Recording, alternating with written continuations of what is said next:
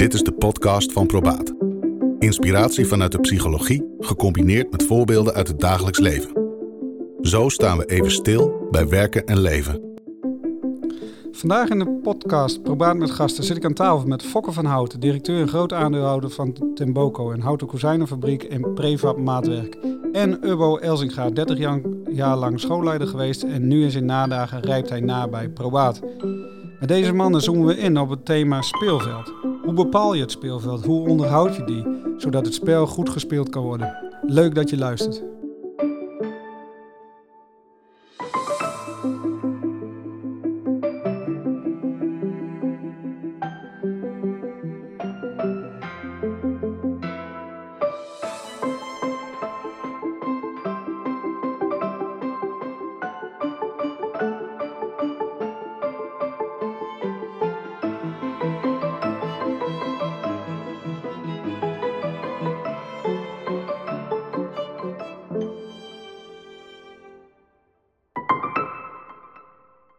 Om een spel goed te kunnen spelen zijn er spelregels nodig. En, eh, en een speelveld die voor iedereen duidelijk is. Hè? En eh, ik ben nogal een voetbalfan.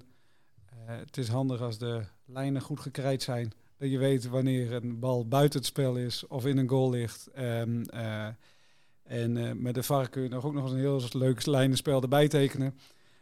Maar dit is natuurlijk ook het geval voor werk. Hè? Het speelveld voor werk. En nou, daar gaan we het nu ook over hebben met Ubbo en Fokke. en ik wil eigenlijk even met de stelling beginnen. Hoe duidelijker de kaders en het speelveld, hoe meer ruimte er is om te gaan spelen. Dat lijkt me heel duidelijk, ja. Ja? ja? Ik, ik, ik denk dat je, als je duidelijke afspraken hebt, dan weet iedereen waar hij aan toe is en dan heb je ook geen discussies. En dan voorkomt het ook problemen en onduidelijkheid. En dan ja, heb je minder ruzies en minder argwaan in de gedachten van wat bedoelt hij daar nou weer mee? Of, ja, dus, ik denk dat het heel duidelijk is tot zover en, en dan houdt het op. En, dat, is, dat is best wel lastig. Moet je dat op papier zetten of moet het in de cultuur zitten? Nou, eigenlijk in basis moet je het op papier zetten. Want die moet duidelijkheid is dan ook op papier zetten, dan kan iedereen het lezen. Maar op een gegeven moment zit het ook in een cultuur van een bedrijf. En dat is het allermooiste, want dat groeit erin en dat, en dat schaaft wat bij. Maar iemand die dan op een gegeven moment uh, ook weer uh, als nieuw binnen een bedrijf komt, die wordt eigenlijk automatisch al een beetje binnen die lijnen gehouden door de rest. En doet hij wat apart, dan, dan wordt het wel tegengehouden of, uh, of er wordt wat van gezegd. Dus... Een zelfregulerende werking. Nou, als je, als je het goed voor elkaar hebt, dan is dat eigenlijk de mooiste oplossing, ja. Maar de basis moet wel regels op papier zijn, dat is duidelijk. Maar, maar ook, en dat zijn vaak dan de, nou ja, als je het weer over voetbal hebt, de aanvoerders en dergelijke, die dan moeten die, moeten die cultuur een beetje bewaken. Mm -hmm. En, mm -hmm. dan, uh, en dan gaat het nou heel vaak automatisch. Ja? ja. Dus jij zegt, ja inderdaad, hoe duidelijker het speelveld in de kaders, hoe meer ruimte erin is. Ja. Oké, okay. Ja, 100% met de stelling eens. Uh, piketpaaltjes zeiden we vroeger altijd. Uh, op een gegeven moment werd ik een beetje allergisch voor het woord, maar, maar dat is het natuurlijk wel. Geef de grenzen helder aan als leidinggevende en, en, en onderbouw dat met je eigen gedrag, met je visie, met je missie en, en, en straal dat uit en durf dat uit te stralen, ook als je even alleen staat. Maar dat men precies weet van oké, okay, dat, daar staan wij voor en die kant gaan we op met z'n allen. En ja, dan kunnen er, en als je dat vervolgens ook waar durft te maken, want dat is dan ook nog wel eens een dingetje, denk ik. Je kunt wel roepen van binnen dit speelveld uh, ben je autonoom. Maar er zijn ook nog best wel veel leidinggevenden in controle zijn. Dat kun je op allerlei verschillende manieren uit, uitleggen. Ja. Uh, ben je dat op hoofdlijnen, ben je dat op, op, op een aantal alarmbellen, of, of, of, of wil je eigenlijk alles in de gaten blijven houden? Ik heb hele mooie voorbeelden gezien binnen, binnen, binnen bouwen, binnen, binnen uh, parallelcollega's. Uh, dat, dat mensen gewoon iets, iets, iets initiëren wat, wat, wat, wat naadloos past binnen de visie van de school. Waar ze heel enthousiast over zijn en dat, roept, dat, dat, dat geeft een bepaalde energie.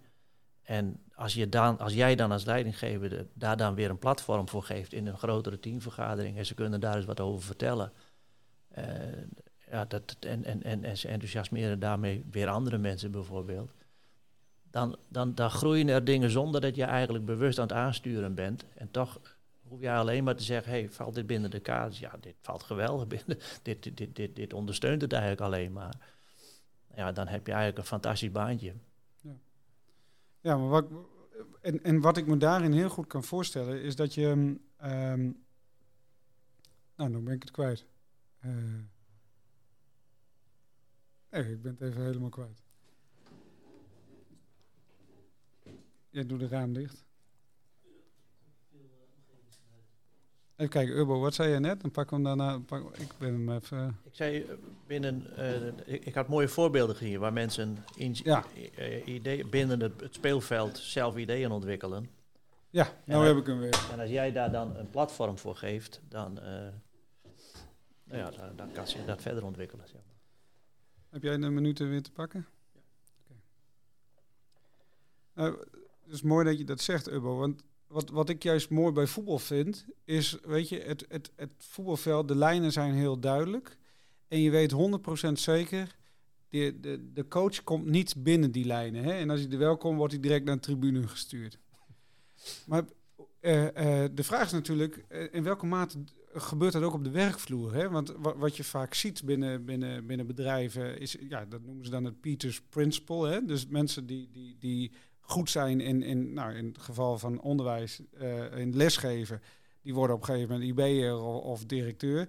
Terwijl dat ze juist uh, uh, in de inhoud goed zijn. Dat zegt niks over hun sociale kwaliteiten. En dat zal binnen de bouw net zo gaan. Als je iemand zeg maar, die goed kan timmeren, die wordt op een gegeven moment, schuift hij soms door. Alleen het gevaar dan is dat hij zich ook gaat bemoeien, zeg maar, blijft bemoeien met de inhoud. En dus in het speelveld komt waar hij dus niet meer eigenlijk in hoort te zijn. Herkennen jullie dit? Jullie zijn beide leiders die van onderop zijn doorgegroeid. Ja, klopt. Ik zit even af te vragen of ik uh, daar iets in herken. Het is inderdaad wel heel lastig, uh, maar soms ook wel een uitdaging om te bedenken van, uh, hey, uh, wie, wie vraag ik ergens, welke, welke collega, welke werknemer vraag ik om een bepaalde functie te doen? Bijvoorbeeld bij ons in de werkplaats hebben wij, of in de fabriek, hebben wij um, voormannen. En uh, de, de chef is de, de productieleider, uh, die heeft de algehele leiding. Voormannen hebben een bepaald aantal afdelingjes. En wie vraag je dan als voorman? Ehm, dat hebben we de laatste jaren net, net een paar keer meegemaakt. En dan is het wel bewust kijken naar van wat kan iemand. Inderdaad, wat je zegt, iemand die heel goed met machines is en die kan er eigenlijk alles mee. Dat, dat is eigenlijk jammer dat hij dan bij wijze van spreken een paar uur uh, niet aan de machine staat en uh, juist bezig is met het aansturen van andere mensen. Dat is inderdaad één. Aan de andere kant is het zo, hij kan ook die andere mensen heel makkelijk vertellen hoe dat werkt. Dus hij zet een ander aan de machine en hij vertelt hen, moet je zo doen, moet je daarop letten, moet je dit doen. Dus hij kan heel makkelijk sturen vanuit zijn kennis, die eigenlijk wel een beetje beter is dan, of meer is dan de collega's. Mm -hmm. Dus um, en, maar dan moet je nou wel weten, en, uh, is hij verbaal dan ook daar goed in? Of is hij, uh, um, is hij uh, gewild of geliefd? Of, of staat hij helemaal naast de groep? Dat zijn wel heel belangrijke dingen om te weten. Dus het is best wel een lastige keuze om te kijken van wie zou daar het beste voor zijn. Soms moet je wel extern zoeken. Dat, dat kan, hebben we een keer gehad. Maar dat, dat, dat is ook een oplossing. Maar intern is het leukste. Wij hebben, wij hebben één keer gehad toen wij een calculator, die ging de fut in...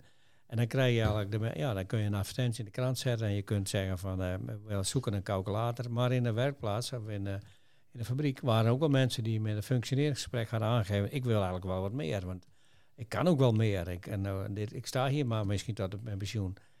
En toen hebben wij twee mannen uh, gevraagd die eigenlijk dat aangegeven hadden van oké, jullie krijgen een cursus en dat was dan met computercursussen en alles erbij. En dan gaan we na een tijdje vragen van, uh, willen jullie nog, deze functie? En dan gaan we een keuze maken. Dat is, uh, dat is dan een must, van de maar één. En die twee mannen zijn er echt voor gegaan. En op een gegeven moment is er ook één gekozen. En die heeft het al wel twintig jaar gedaan of zo. En, uh, die is nu ook alweer in een fut. Maar, maar die is wel, die is wel heel mooi vanuit de productie. Um, en eigenlijk, ja, stapjes gemaakt. Maar dat was best wel een, uh, ja? een, een, uitzoekwerkje. Ja. Om te zeggen van, ja, doen we het extern. Was het makkelijkst geweest misschien. Maar dan frustreer je misschien mensen in de fabriek. Ja. En nu niet.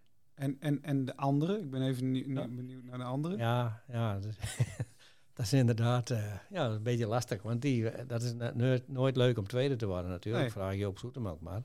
en, uh, en dus dat had, had hij eigenlijk ook wel. Ja. Het heeft best wel een tijdje geduurd. Maar het was wel heel... Hij is wel gebleven. Ja, ja, ja, ja, ja, ja, ja, is het nog. Ja, dus dat is ook weer een beetje het punt van waar ik in het begin, waar we het ook al eens over hadden. Uh, je moet wel eerlijk naar jezelf zijn en eerlijk zeggen, ik heb het eerlijk gespeeld, we hebben het eerlijk uit, uit elkaar, of met elkaar gedaan. En dan is het een keuze, dat weten we van tevoren. En, dus ik kan me er niet kwaad, ik kan, niet, kan me niet zelf niks kwalijk nemen dat één het niet is geworden. Nee, nee de ander is het wel geworden. Maar in het proces, hè, daar had jij je speelveld dus ook al helder. Hè? Van weet je, we vragen jullie, we hebben één, is, er, er wordt er dus één en hier en hier gaan we aan toetsen ja.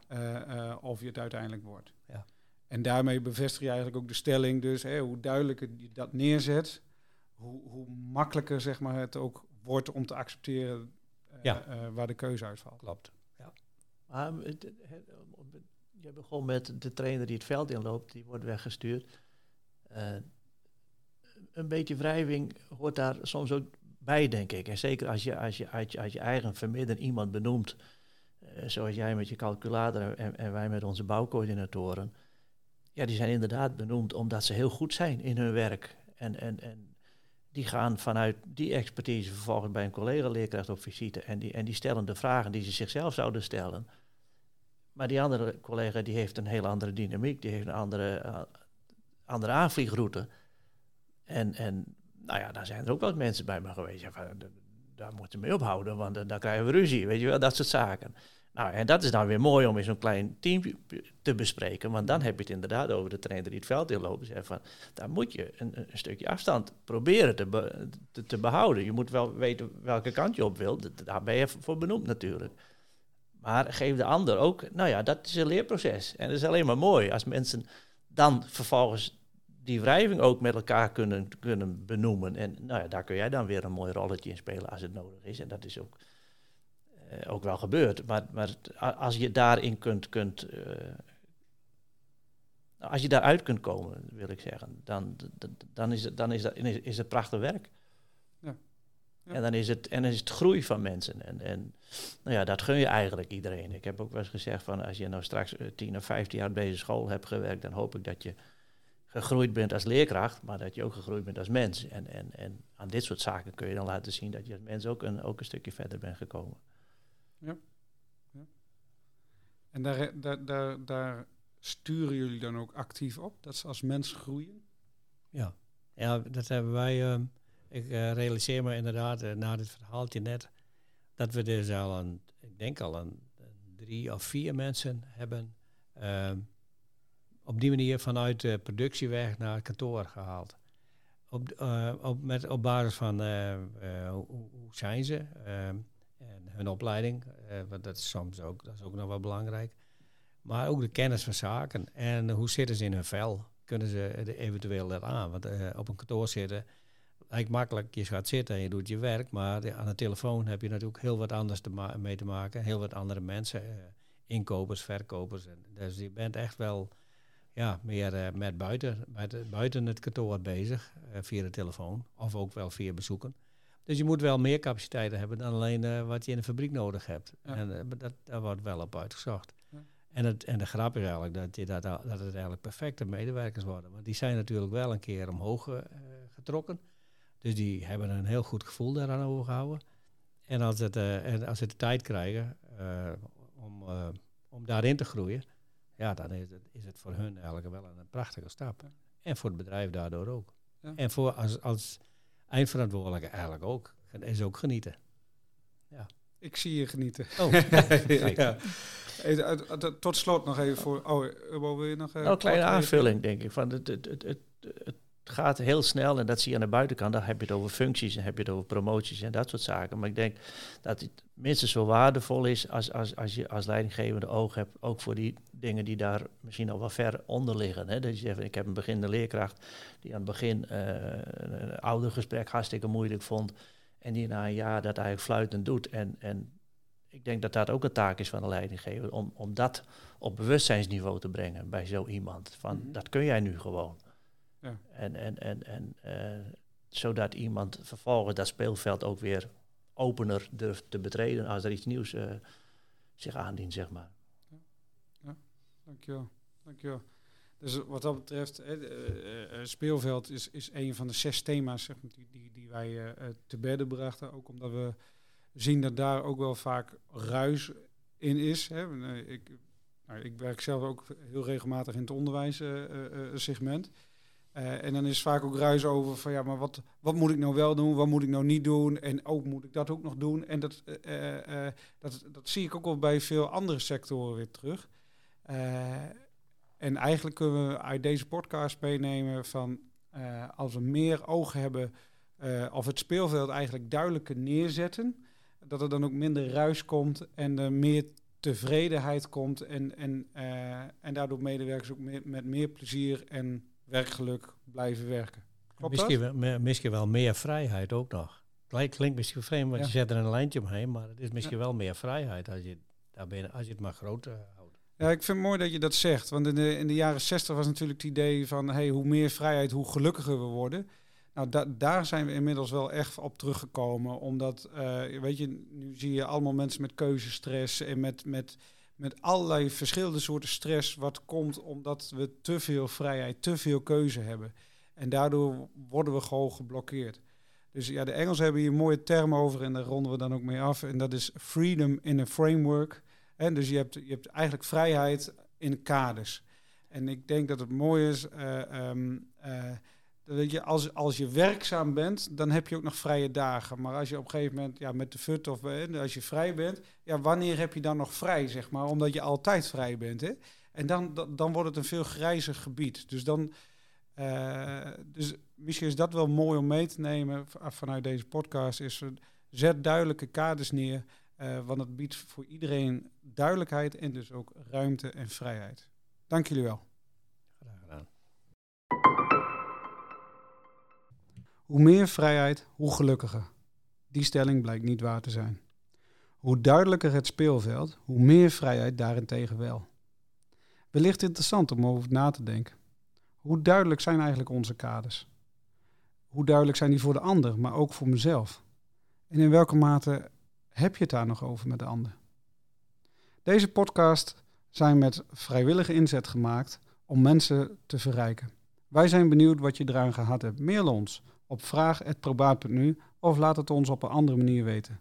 Dank voor het luisteren. Dit was de Probaat podcast. U kunt ons vinden op www.probaat.nu en de volgende vindt u ook hier.